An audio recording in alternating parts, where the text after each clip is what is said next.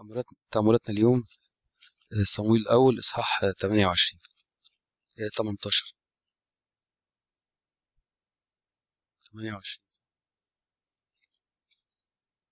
صمويل الأول إصحاح 28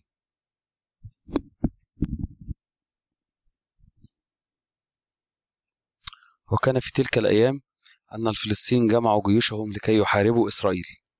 فقال أخيش لداود اعلم يقينا أنك ستخرج معي في الجيش أنت ورجالك. فقال داود لأخيش لذلك أنت ستع... ستعلم ما يفعل عبدك. فقال أخيش لداود لذلك أجعلك حارسا لرأسي كل الأيام. ومات صموئيل وندبه كل إسرائيل ودفنوه في الرامة في مدينته وكان شاول قد نفي أصحاب الجان والتوابع من الأرض. فاجتمع الفلسطينيين وجاءوا ونزلوا في شونم وجمع شاول جميع إسرائيل ونزل في في جلبوع. ولما رأى شاول جيش الفلسطينيين خاف واضطرب قلبه جدا فسأل شاول من الرب فلم يجبه. الرب لا, لا بالأحلام ولا بالأوريم ولا بالأنبياء. فقال شاول لعبيده فتشوا لي على امرأة صاحبة جان فأذهب إليها وأسألها. فقال له عبيده هوذا امرأة صاحبة جان في عين دور. فتنقر شاول ولبس ثيابا أخرى وذهب هو ورجلان معه وجاءوا إلى المرأة ليلا وقال اعرفي لي بالجان واصعدي لي من أقول لك. فقالت له المرأة هوذا أنت تعلم ما فعل شاول كيف قطع قطع أصحاب الجان والتوابع من الأرض؟ فلماذا تضع شركا لنفسي لتميتها؟ فحلف لها شاول بالرب قائلا حي هو الرب إنه لا يلحقك اسم في هذا الأمر. فقالت المرأة من, من أصعد لك؟ فقال اصعدي لي صموئيل. فلما رأت المرأة صموئيل صرخت بصوت عظيم وكلمت المرأة شاول قائلة لماذا خدعتني وأنت شاول؟ فقال لها الملك لا تخافي. فماذا رأيت فقالت المرأة لشاول رأيت آلهة يصعدون من الأرض. فقال لها ما هي صورته؟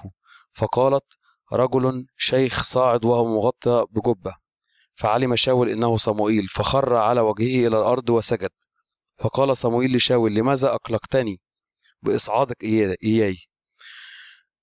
فقال شاول قد ضاق بالأمر جدا الفلسطينيون يحاربونني والرب يفارقني ولم يعد يجيبني لا بالأنبياء ولا بالأحلام فدعوتك لكي تعلمني ماذا أصنع. فقال صموئيل ولماذا تسألني والرب قد فارقك وصار عدوك؟ وقد فعل الرب لنفسه كل ما تكلم عن يدي وقد شق الرب المملكة من يدك وأعطاها لقريبك داود لأنك لم تسمع لصوت الرب ولم تفعل حمو تفعل حمو غضبه في عماليق. لماذا؟ لذلك قد فعل الرب بك كهذا الأمر اليوم ويدفع الرب إسرائيل أيضا معك ليد الفلسطينيين وغدا أنت وبنوك تكونون معي. ويدفع الرب جيش إسرائيل ليد أيضا ليد الفلسطينيين فأسرع شاول وسقط على على طوله إلى الأرض وخاف جدا من كلام صموئيل وأيضا لم تكن فيه قوة لأنه لم يأكل طعاما النهار كله والليل. ثم جاءت المرأة إلى شاول ورأت أنه مرتاعا جدا فقالت له هوذا قد سمعت سمعت جاريتك لصوتك فوضعت نفسي فوضعت نفسي في كفي وسمعت لكلامك الذي كلمتني به. والآن اسمع أنت أيضا لصوت جاريتك. فأضع قدامك كسرة خبز وكل فتكون فيك قوة استسير في الطريق. فأبى وقال لا آكل. فألح عليه عبداه والمرأة أيضا. فسمع لصوتهما وقام على الأرض وجلس على السرير وعلى وكان المرأة عجل مسمن في البيت. فأسرعت وذبحته وأخذت دقيقا وعجنته وخبزت فطيرا ثم قدمته أمام شاول وأمام عبديه فأكلوا وقاموا وذهبوا في تلك الليلة. آمين.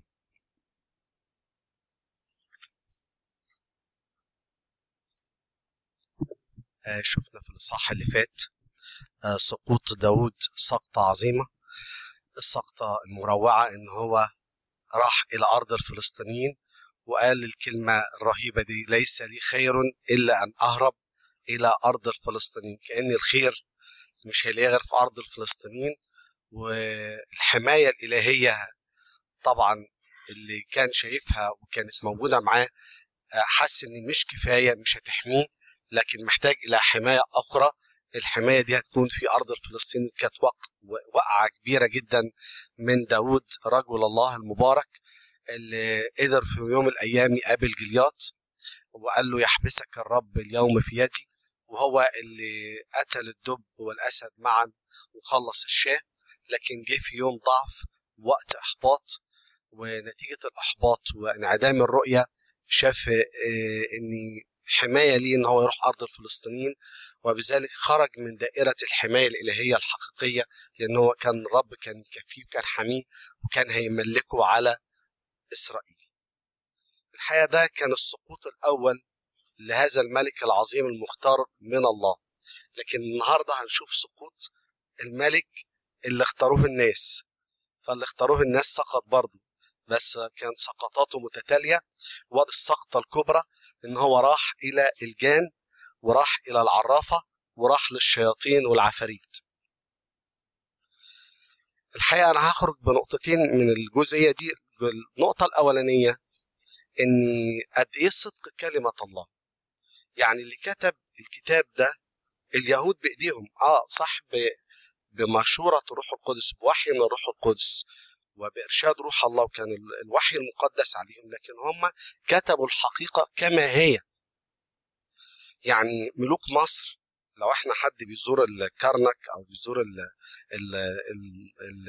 المعابد الفرعونية نلاقي الملك ما بيكتبش غير قصة انتصاراته. أما القصص اللي فيها انهزام ليه أو المعارك اللي هو اتهزم فيها ما بيكتبهاش حتى قصص التمرد عليه ما يكتبهاش. فدايما يعني إحنا برضو يعني أساتذة في تزوير التاريخ إلى هذا اليوم يعني. فده دي ده المصريين ماشيين على هذا النظام مش في العهد العربي لكن في العهد برضه الفرعوني. فكان في كذب في وتزوير للتاريخ. دايما الملك يكتب قصة انتصاره بس قد إيه إن رجال الله اللي هم اليهود والملك اللي اختاروه بإيديهم بيسجلوا سقوطه والملك اللي اختاره الله اللي هو بحسب قلب الله بيسجلوا برضه سقطته وهتيجي سقطات بعد كده لداود بيسجلوها وده يورينا صدق كلمة الله صدق الوحي الإلهي محدش بيقدر يفبرك كان لو هما بيكتبوا كانوا لغوا سقوط داود وكانوا حتى برضه حجزوا سقوط شاول لأن ده برضه الملك اللي كان يعني إيه آه يعني الأبهة الملك اللي يعني من كتفه إلى ما دون كان أطول من كل الشعب. دي النقطة الأولى. لكن النقطة الثانية في القصة دي إن الاثنين اتعرضوا لضيق. يعني شاول اتعرض لضيق وداود اتعرض لضيق. وشاول أحبط وداود أحبط. داود أخطأ وشاول أخطأ. بس في فرق. إيه الفرق بقى؟ الشخص الحقيقي وقت الإحباط وقت التجربة هنشوف داود في الإصحاح اللي جاي هيرجع للرب. لكن شاول لما صار ضيق بيه ما رجعش للرب راح لمين؟ راح للشياطين. هذا الفرق. ده الفرق. يعني ممكن المؤمن تعدي عليه نفس التجربة اللي بتعدي على اللي في راجل الشارع. اللي ما يعرفش ربنا. لكن المؤمن الحقيقي هيخش في ضيق؟ آه هيخش في ضيق. يعني اتقال عن داود في الإصحاح اللي جاي وضاقت نفسه جدا. نفس الكلمة اللي اتقالت عن شاول إن هو إيه؟ ضاقت أمر به جدا. نفس الكلمة. ونفس الإحباط. ونفس السقطات. بس مرجع مرجعية المؤمن لمين؟ للرب. يعني سقوط يهوذا وسقوط بطرس. يهوذا أنكر الرب. يهوذا يعتبر أنكر باع الرب خان الرب. وبطرس أنكر. بس يهوذا لما جه يعالج الموضوع عمل إيه؟ راح شارع نفسه. وبطرس عمل إيه؟ ذهب وبكى بكاء مرة بكاء التوبة. هو ده الفرق اللي بين المؤمن الحقيقي وبين الشخص المزيف. فقدامنا شخصية مزيفة اللي هي شاول وقدامنا شخصية حقيقية اللي هو داود داود وقع في ضيق آه وقع في إحباط أيوه.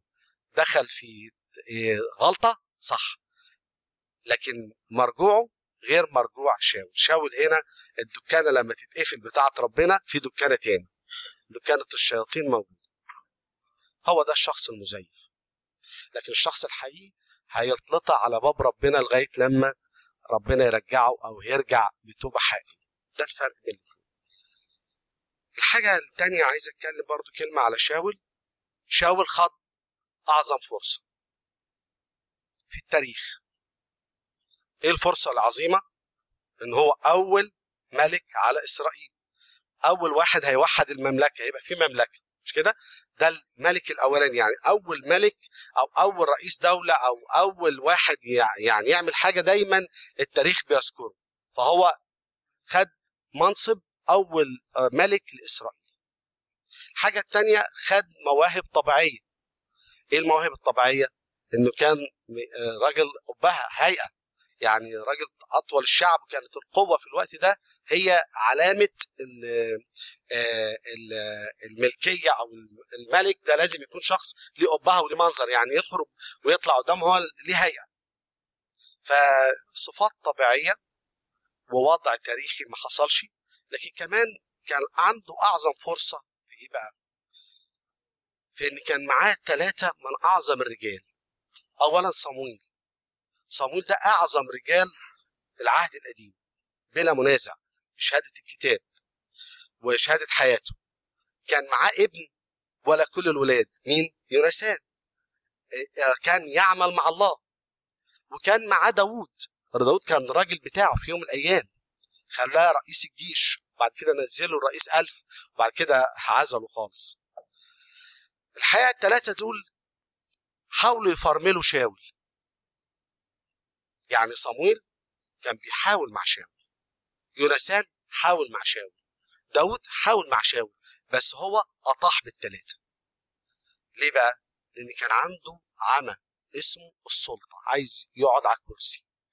فالعمل بتاع السلطة خلاه يطيح بأعظم رجال في العهد القديم ربنا حطهم في سكته اللي هم صمويل ويونسان وداود مع اختلاف القامات بتاعتهم. أطاح بده وأطاح بده. يعني بالنسبة لصمويل صمويل ما في يوم من الأيام قال ممكن شاول يقتلني صح؟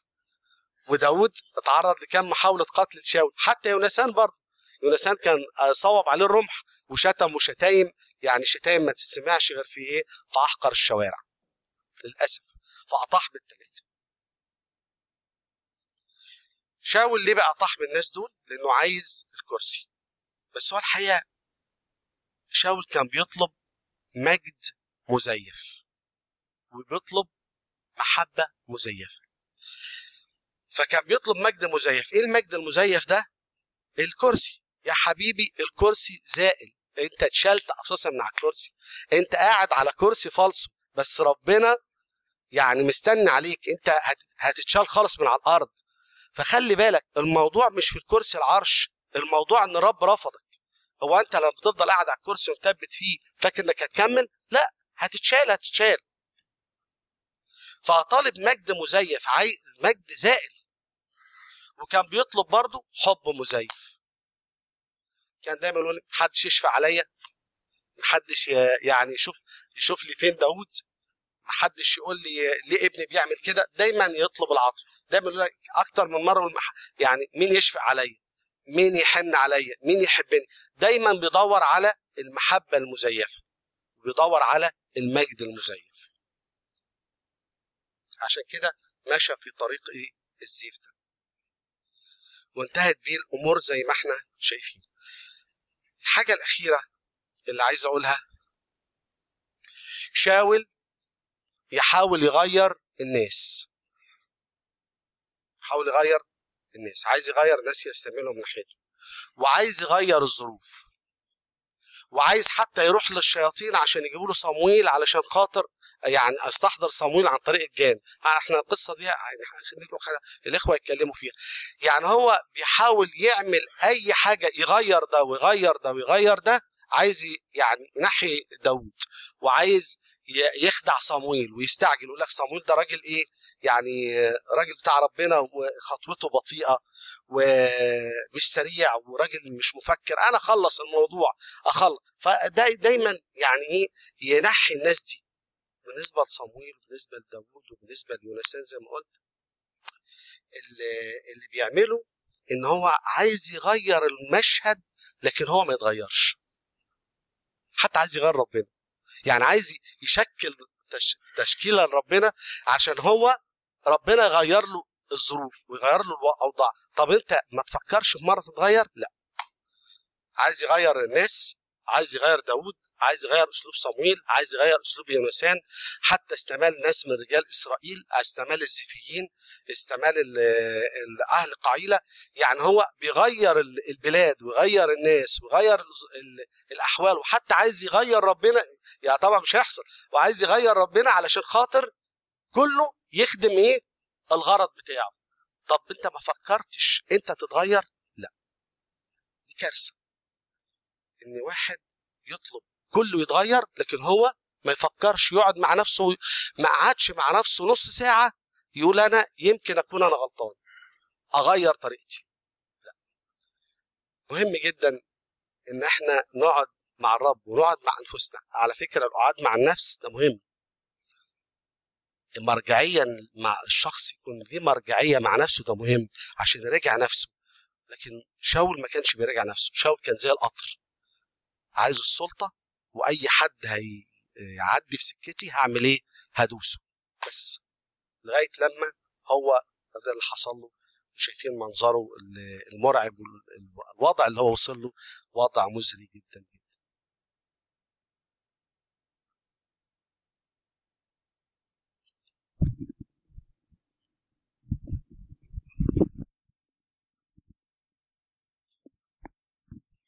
في الإصحاح اللي قدامنا ده في ثلاث شخصيات شخصية داوود وشخصية شاول التعيس مفروض من الله وشخصية امرأة عين دور عرافة الجان. عندي كلمتين عن كل واحد فيهم لكن داوود ده رجل الله. بطل من أبطال الإيمان. رجل القمم. ساعات نشوف الخسارة بتاعته كده تقول لنا أعذب الأناشيد. أحبك يا رب يا قوتي. الرب نوري وخلاصي ممن أخاف. الرب حصن حياتي ممن أرتعب. يا الله إلهي إليك أبكر عطشت إليك. نفسي يشتاق إليك جسدي. لكنه أيضا مرات نلاقيه يعزف لنا لحن حزين من ضمير ملوث. ارحمني يا الله كعظيم رحمتك ومثل كثرة رأفتك أمحو معاصية لأني عارف باسمي ومعاصي وخطيتي أمامي. دائما إليك وحدك أخطأت والشر قدام عينيك صنعت. وزي ما أشار الدكتور صمويل الكاتب الإلهي سجل لنا آه مش داوود بس في قممه لكن داوود وهو في ضعفه وحالات فشله. آه، دروس نتعلمهم واحد أشار منه الدكتور صمويل إن إحنا آه، نتأكد إن الكتاب ده كتاب الله. ما تمهوش إلا تسجيل الحقيقة والحقيقة بس فيغلى في عينينا الكتاب ونطمن لمصدره الإلهي. ونعرف إن مفيش يد بشر عملت حرف واحد فيه لكنه كتبه أناس الله القديسون مسوقين من الروح القدس. لكن الدرسين التانيين إن في القضية دي يكشف لنا مين هو الإنسان. داود العظيم ما كانش بمنأى إنه يفشل ويضعف وده الحقيقة تاريخ الإنسان وده يخلينا يعني القصص بتاع العهد القديم بتتكلم على طول ضميري من جوه علشان أكتشف ينابيع الفساد الخفية اللي موجودة في في الإنسان. فهو ده الإنسان. من هو الإنسان؟ لكن في الوقت نفسه يقول لنا من هو الله؟ في رحمته الغنية وفي قوته الكثيرة وفي قداسته الكاملة. انسان تاريخه الفشل. لما كان في الجنة حصل إيه؟ أكل من الشجر طب ولما كان في تدبير الضمير قام على أخوه قتله. طب ولما ابتدت تدبير الحكومات سكر وتعرى. طب ولما جه الوعد أيام إبراهيم جاب لنا إسماعيل وطلع عنا لغاية دلوقتي. طب ولما جه الناموس أول قبل الوصايا ما تنزل كان بيكسر أول وصية وبيرقصوا حوالين العجل يقولوا هذه آلهتك يا إسرائيل.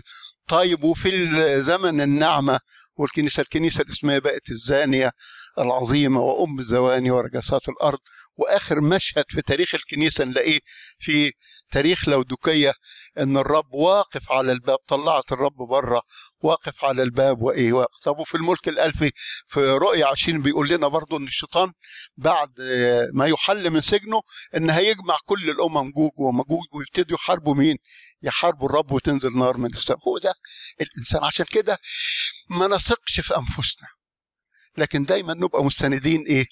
مشكلة داوود اللي وصلته للصورة الوحشة ديت إنه ترك مكان الاستناد على الرب وراح يحتمي في مين؟ في الأعداء أعداء الرب. فكان في حالة روحية غير صحيحة وكان في مكان برضو إيه؟ كان في مكان غير صح والنتيجة إيه يا أحبائي؟ النتيجة الصراحة مخزية. داوود اللي كان في إيده سيف مين؟ سيف جليات بقى بيحتمي في مين؟ عند الفلسطينيين. داوود الراعي اللي غار مرة على مجد الرب وأزال العار من إسرائيل وهزم جيش الفلسطينيين وقتل الكبير بتاعهم رايح يحتمي إيه؟ يحتمي عندهم. داوود اللي صنع الانتصارات اللي ظهر قدامهم كبطل مقدام وانتصر على جليات ورايح قدامهم عشان يبقى حارس لرقبة الملك بتاع الفجيه للعار فقد الإيه؟ فقد الكرامة. وبقى زي ما نقول زي ما بيقول لنا في تاريخه ودرسنا إن اخيش قال يكون لي عبدا إلى الأبد. يا خبر! داود ملك إسرائيل يبقى كمان قطع طرق ويكذب وكل المشهد اللي فقد فيه كرامته واللي فقد فيه نتيجة إنه ساب مكان الاستناد على الرب وانه ما خدش باله ابدا من نفسه. ده فده بيحذرنا. نعرف إيه؟ نعرف قد إيه إحنا فينا عنصر فاسد جوه. نخلي بالنا ونبقى سهرانين ودايما نستعمل سكاكين من صوان عشان أي منتج من الجسد يطلع. آه على فكرة يعني أكبر الحرائق بتبتدي من مستصغر الشرر. والألف ميل بتبتدي بالخطوة الأولى في الانزلاق وبعدين بيبقى الانحدار. نتيجة يأس. خط خطوة صغيرة في الطريق الخاطئ وصلت به الحالة المزرية إلى هذا الوضع المزري. لكن إن كان الأمر ده يدينا تحذير لكن من الجانب الثاني يدينا إيه؟ يدينا كمان نعرف مين هو الله. الله في موارد النعمة. اللي مش ممكن ابدا يتخلى عنا حتى وإحنا في أشد حالات إيه؟ في أشد حالات الضعف. فنشوف هنا رحمة الرب. احتمل احتمل داوود. وده قال الدكتور صميل الفرق بين شاول و وداوود إن داوود أخطأ ووقع لكن كانت له توبة صادقة. كان بيتوب وكان بيحكم عن الشر وكان بيرجع للرب. لكن شاول كان بيستمر إيه؟ بيستمر في العناء وعشان داود بيتوب توبة صادقة الرب كان بيمحي إيه؟ بيمحي له الخطايا فاحتمله وصبر عليه وترفق بيه. وإحنا عايزين يبقى لنا برضه حشاء الرب إن يبقى عندنا رحمة. يقول لك الله الذي هو غني إيه؟ غني في الرحمة. يبقى في تراحم.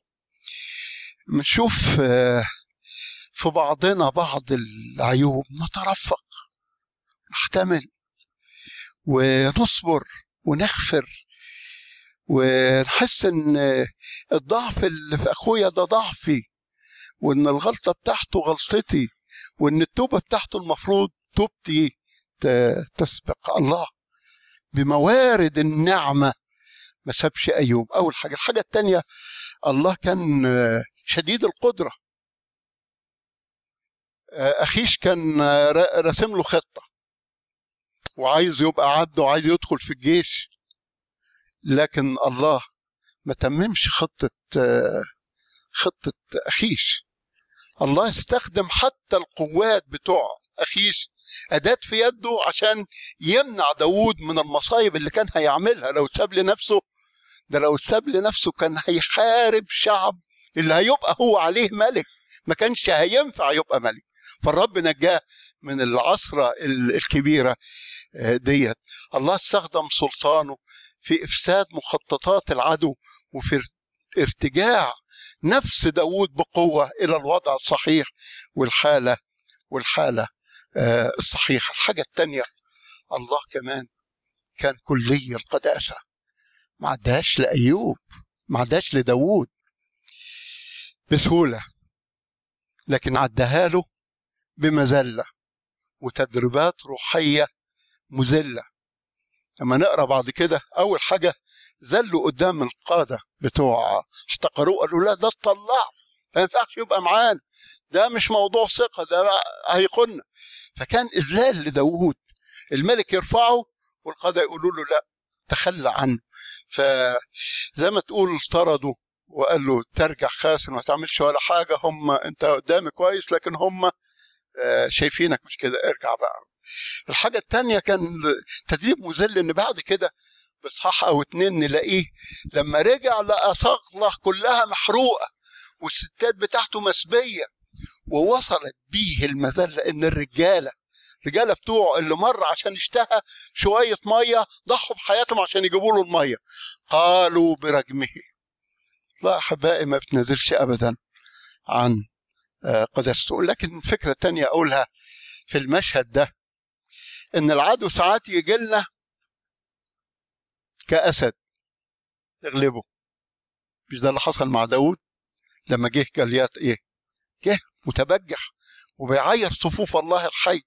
وكان المشهد رهيب جدا. قال له أنت تأتي بسيف وبترس وبرمح. أما أنا فأتيك باسم رب الجنود يحبسك الرب اليوم فادك فأقطع رأسك وما كانش معاه سيف شايفين العظمة كده. لكن العدو لما يجي كحية بنقع في إيه؟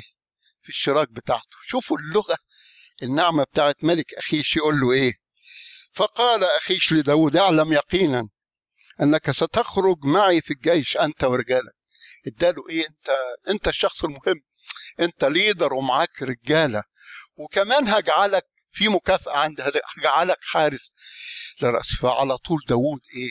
وقع في الشرك. قال له ستف لذلك انت ستعلم ماذا يفعل. إيه؟ كلمة مذلة اول حاجة داوود عبد أخيش. ماذا سيفعل؟ هتعمل إيه يا داوود؟ هيقتل شعب الرب. هيقتل الشعب اللي الرب أقاموا عليهم الملك. هيقتل الشعب اللي قال عنه الرب يرعى. يرعى شعبي. لكن بسرعة أقول كلمتين تانيين عن عن شاول التعس. بيبتدي قصة شاول في ال في ال في الإصحاح ده من عدد ثلاثة ومات صمويل وندبه كل إسرائيل ودفنوه في الرامة في مدينته. آه طب ما قصة موت صمويل اتقالت في في اصحاح 25 ليه الرب بيكررها؟ الرب بيقول لنا هنا إن علاقة الرب بمملكة شاول انتهت إيه؟ انتهت تماما. وما أبأس وأتعس هذه الحالة لما شخص الله يتخلى عنه. يديله فرص زي ما سمعنا. كتير. اداله فرص كتير لكنه محمل في آيتين في سفر هوشع مرعبين.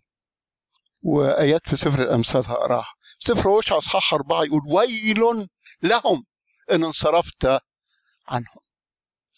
ومرة تاني في صح تسعة يقول إفرايم موثق بالأصنام اتركوه. في سفر الأمثال حاجة على على منطبقة تماما على وضع.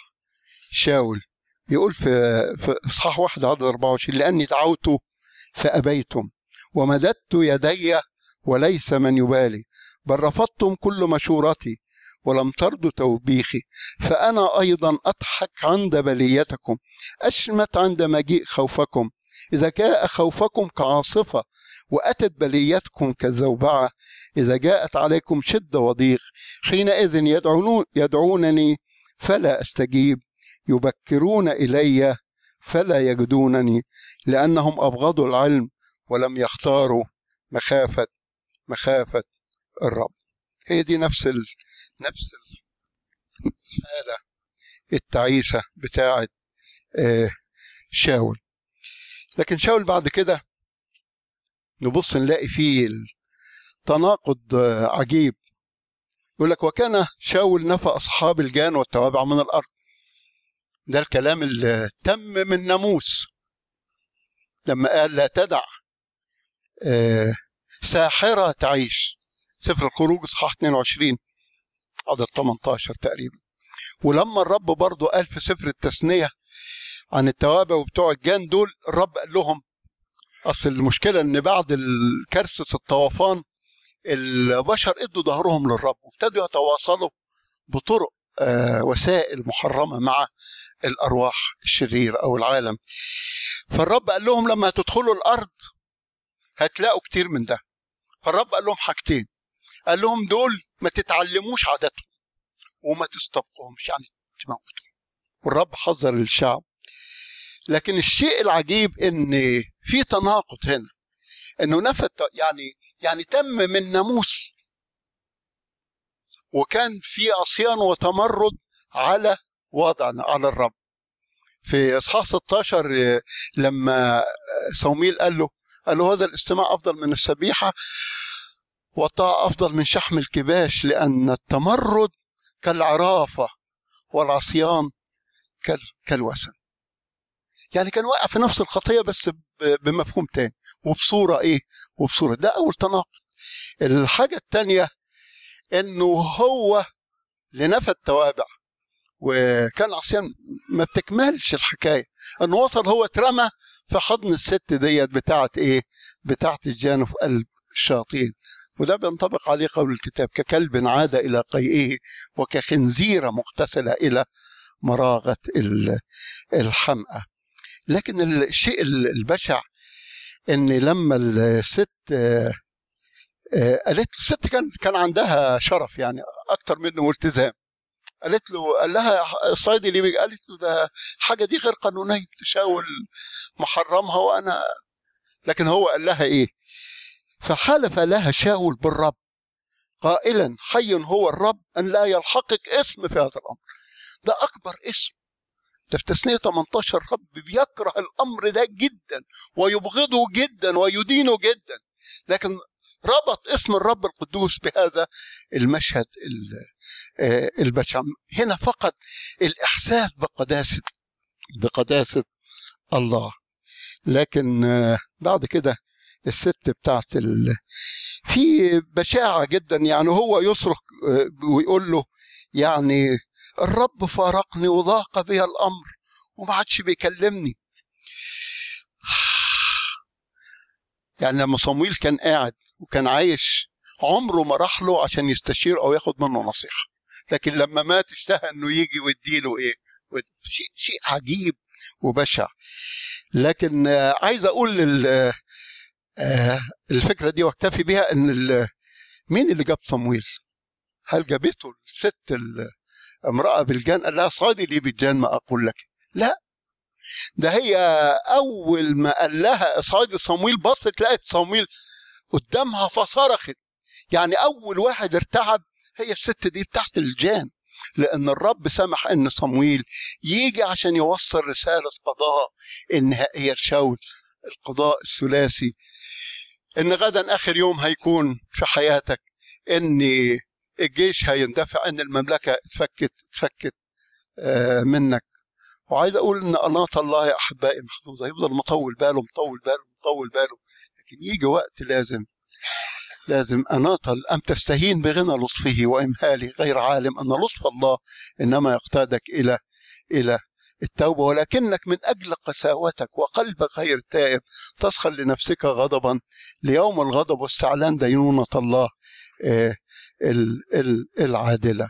وكانت النهاية بتاعت شاول إن فعلا تم عليه القضاء وأبيد. شاول ومات غير مأسوف. عليه رب ادينا نعمة عشان نعرف إن إحنا محتاجين نلتصق بالرب ونستند على الرب. و زي ما قال الكتاب جعلت الرب أمامي في كل حين لأنه عن يميني. فنعرف الفساد اللي جوانا ونعرف كمان إن موارد النعمة غنية تستمد منها بكفاءة كاملة. كل ما يسدد أعوازنا ويرد نفوسنا ويباركنا ويدخلنا لدوائر إيه؟ الطمأنينة والتعزية. إن إحنا ممسوكين في إيده. الشيطان مش هيقدر علينا. والبشر مش هيقدروا علينا. وحتى ضعفنا مش هيقدر علينا. الرب يساعدنا عشان نستفيد فعلا من الدروس لأنها تستحضر ضمائرنا قدام الله. فنكون فعلا قلوب نقية تعين الرب ليه كل المجد.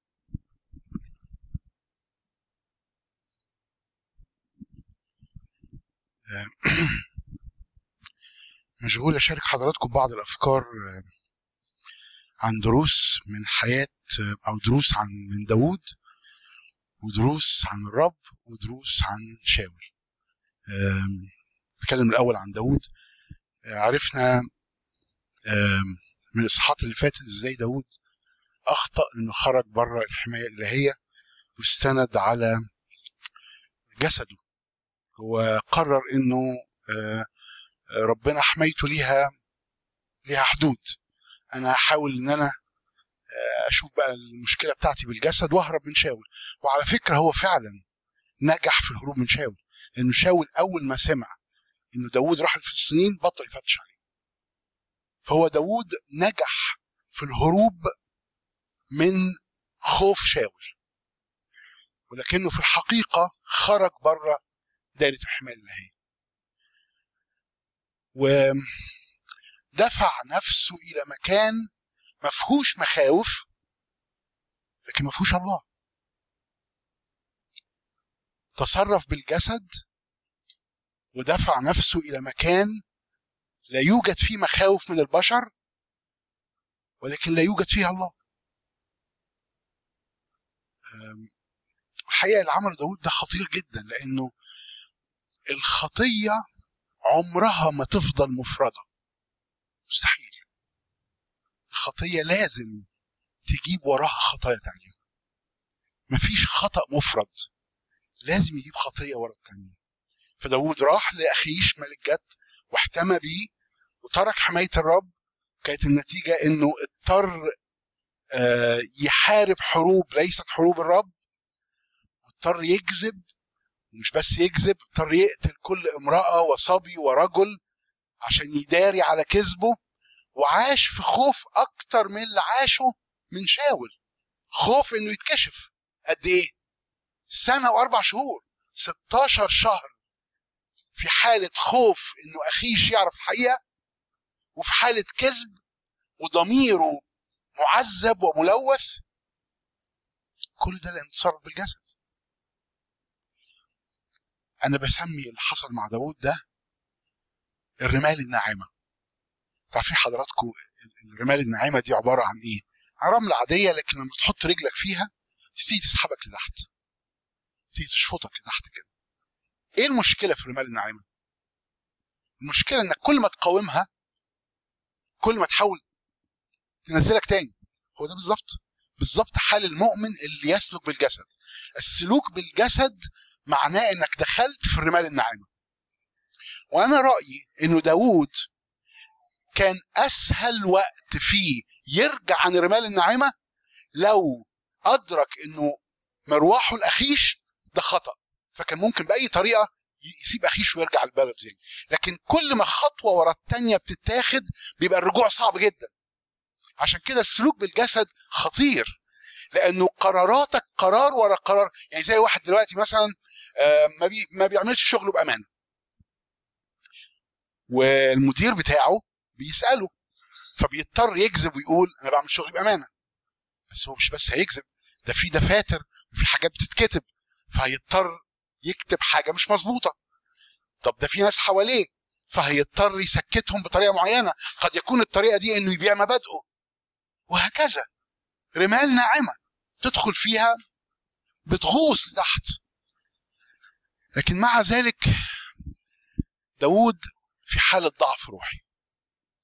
مش في حالة عصيان مش زي شاول. علشان كده آه، هنشوف فيما بعد إزاي الرب اتدخل في الضعف الروحي ده ويعني روعة الرب إنه عارف إن إحنا في الرمال الناعمة لن نستطيع أن ننقذ أنفسنا. فيضطر الرب التدخل زي ما اتدخل مع داود وقد يكون التدخل ده عنيف شوية لكن ما هو لازم أشده. لازم انقذه. ده بيغرق. فممكن وهو بيغرق كده ما يعرفش مش عارف يعمل إيه فلازم انقذه. فقد يكون التدخل عنيف شوية. بس الرب بينظر للقلب ونظر لقلب داوود وأنقذه. في في بعد كده نشوف حاجة غريبة جدا لما لما الرب سمح ان صمويل يظهر في المشهد.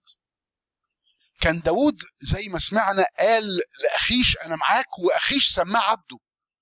وداود كان هيحارب شعب الرب. ده اتورط اتورط جامد جدا. في وسط هذه الورطة في وسط هذه الرمال الناعمة الرب لما أظهر صمويل صمويل قال لشاول قال له الرب فارقك وأعطى المملكة لداود. فأنا هنا الحقيقة تعجبت جدا. هو أنت يا رب بتقول على مين الكلام ده؟ انت مش سامعه بيقول لأخيش إن أنا عبدك؟ مش سامعه بيقول لأخيش أنا هحارب وأحمي رأسك؟ بتقول عليه وهو بيقول كده إن هو ملك وإن هو أنت اديته المملكة. بس الحقيقة هي هو ده الرب. الرب لا يغير ما تكلم به عنك ولا يغير نظرته ليك ولا يغير موقفه منك مطلقا. الرب قال الكلام ده على داود إنه الملك لما كان داود قوي. لكن لما داود ضعف ربنا ما غيرش كلامه. طب يا رب أنت لما قلت الكلام ده ما كنتش عارف إنه هيعمل كده؟ أنت عارف طبعا. أنت ممكن تخدم خدمة كبيرة قوي وربنا يستخدمك بقوة جدا ويباركك وبعديها بشوية تضعف روحيا وتعمل حاجات مشينة. هو ساعتها لما ربنا استخدمك ما كانش عارف إنك هيحصل كده معاك منك؟ عارف. لكن الله لا يتغير الله ما بيتغيرش على أساسنا. الله ينظر إلينا نظرة ثابتة في المسيح. يرانا في مكانة راقية جدا في المسيح. كل بركات روحية موجودة في حياتنا. يرى الله دائما أولاده في هذه المكانة. وحتى لما يضعفوا روحيا يظل يراهم ويتعامل معهم على أساس هذه المكانة. وهو ده اللي بيخليه يرجعنا. عمر ما الرب يتغير على أساسنا لكن موقفه الثابت هو اللي بيغيرنا نبقى على أساسه. فهي دي مكانتنا عند الرب وهي دي مكانة داود التي لم تتغير. الله عارف إن داود في حالة ضعف. والله عارف بشريتنا وعارف ضعفنا ويقدر هذا الضعف ويتدخل وينقذنا من الرمال الناعمة.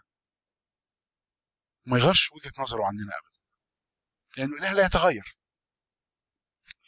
بالنسبة لشاول الحقيقة شاول شخص غريب جدا. هو طبعا مش ضعيف روحيا هو عاصي. هو شخص عاصي. هو شخص لا يحب الرب.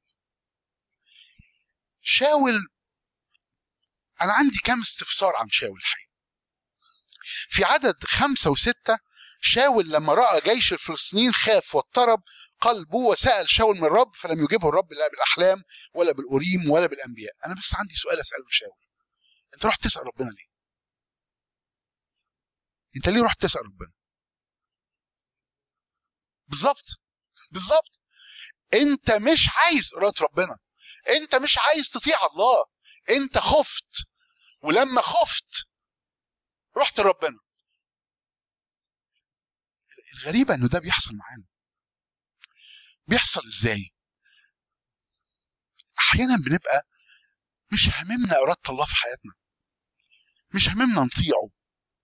وخاصة في التفاصيل الصغيرة. لكن لما نتواجه بموقف إحنا خايفين منه من قرار هناخده بنعمل إيه؟ بنسأل ربنا. تعرفين عاملين زي إيه؟ بالظبط يعني مع مع الفرق في التشبيه يعني. في ناس بيتعاملوا مع ربنا إن هو عسكري مرور. أنت عارف علاقتك بعسكري المرور إيه؟ علاقتك بعسكري المرور هي إيده. لأن هو لو رفع إيده وأنت وقفت هو أنقذك من حادثة. فهو بالنسبة لك إيد بتنقذك من حادثة لكن هو كشخص مقدر عندك؟ طبعا لا. هو كشخص ممكن تستشيره في أمور حياتك؟ لا. هو مجرد واحد بينقذك من حادثة. في ناس بتتعامل مع ربنا كده. ربنا لا يعني شيء بالنسبة لهم. لكن في المواقف الصعبة يجي يقعد معايا خان أنا في حاجة تعباني وعاوز أسأل ربنا أنا عندي قرار معين بالهجرة ومش عارف أما اتناقش معاه ربنا مش موجود أساسا في حياته. لا موجود في تفاصيل حياته ولا موجود في أي جانب وبيعمل اللي هو عاوزه في كل في كل الجوانب. لكن في القرار ده هو الحقيقة مش عاوز اراده ربنا عشان عاوز يطيع ربنا. هو خايف من المستقبل. خايف على حياته خايف على أولاده خايف على مستقبله خايف على شغله خايف إن هو يتبهدل في الغربة. فعشان كده عاوز يسأل ربنا يا رب هاجر ولا لأ؟ الله بالنسبة له عسكري مرور. أحبائي الله ما ينفعش يتعامل معاه كده. الله سيد مهاب. ما ينفعش هذا السيد أصغره وأخليه شرج مرور. يا إما الله يبقى سيد على حياتي كلها يا إما أنسى القضية دي خالص. فشاول كان شايف ان ربنا عسكري مرور. بعد كده زي ما كان بيقول لنا ال- الأخ لورنس هو نفى أصحاب الجان. هو عمل بالناموس وكملك خد قرار بقطع كل السحرة والعرفاء وأصحاب الجان من المملكة. طبعا لما أنا أسمع عن واحد بيعمل كده أقول ده ملك تقي بس حقيقه هو ولا تقي ولا حاجة. هو بيعمل ده منظرة. بيعمل ده عشان الناس تقول عليه تقي. بيعمل بيطيع الوصية عشان الناس تمجده مش عشان هو مقتنع بالله. والدليل على كده في أول موقف اضطر يكسر الوصية كسرها فورا. والحقيقة ده درس لينا. درس لينا في كل حاجة في الحياة. دايما أسأل نفسي أنت ليه بتخدم؟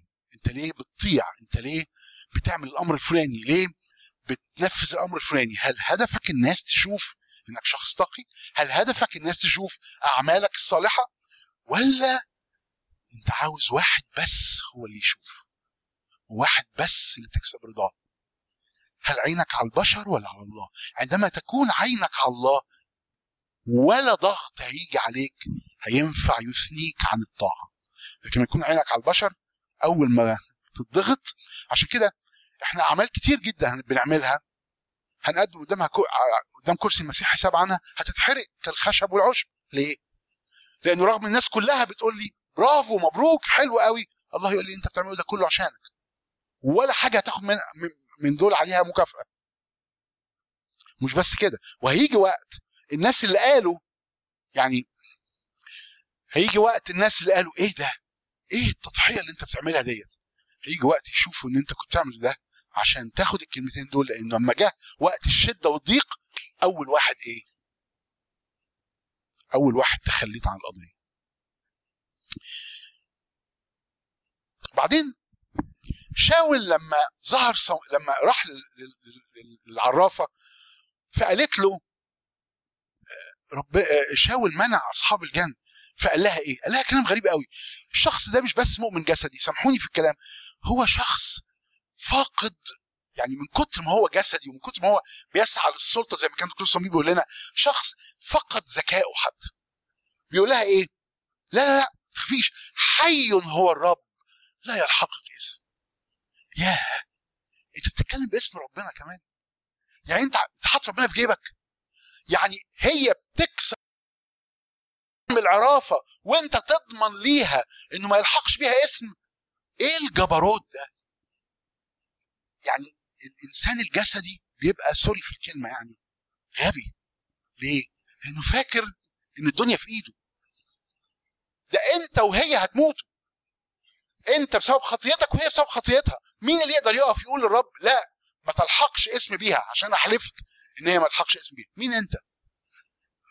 عارفين الكتاب ما بيقول في روميا الذين اذا عرفوا حكم الله الذين يفعلون مثل هذا يستوجبون الموت لا يفعلونها فقط بل يسرون بالذين يفعلون. هو ده بالظبط. هو ده بالظبط. مين أنت عشان تقول للناس؟ اعملوا ما يهمكمش ربنا هيسامحكم. مين؟ ليه ليه ليه تبهت قداسة الله؟ من أنت حتى تعبث بقداسة الله.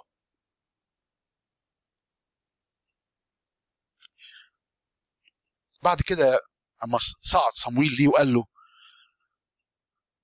شاول قال له الرب فرقني قال له الرب فرقك إيه؟ ده الرب مش فرقك الرب صار عدوك. أنت فاكر فلسطين هم اعدائك لو الفلسطين مش موجودين الرب هيموتك هيموتك. الرب صار عدوك. ده نهاية العصيان. ده نهاية القلب العاصي المتجبر الجسدي. بينما داود رغم ضعفه إلا إن الرب يؤدبه لكي يشترك في قداسته. رب حماه من الرمال الناعمة اللي نزل نفسه فيها. بينما ساب شاول لمصيره أنا استغربت جدا إن شاول بعد الكلام ده كله سقط على وجهه خايف. وبعد كده عمل إيه؟ دخل الحرب برضه. مش يتوب مش يرجع للرب. أنا ما أعرفش الرب الرب غني في الرحمة. أنا ما أعرفش الرب كان ممكن يعمل إيه لو شاول تاب. بس على الأقل توب. حتى لو الرب حتى لو الرب قضاؤه تم لكن على الأقل توب للرب وارجع له. هو اللي عمل كده. هو خاف ودخل الحرب. كانت النهاية مأساوية بالنسبة له. خلينا نتعلم من داوود ونتعلم من الرب ونتعلم برضو من شاول.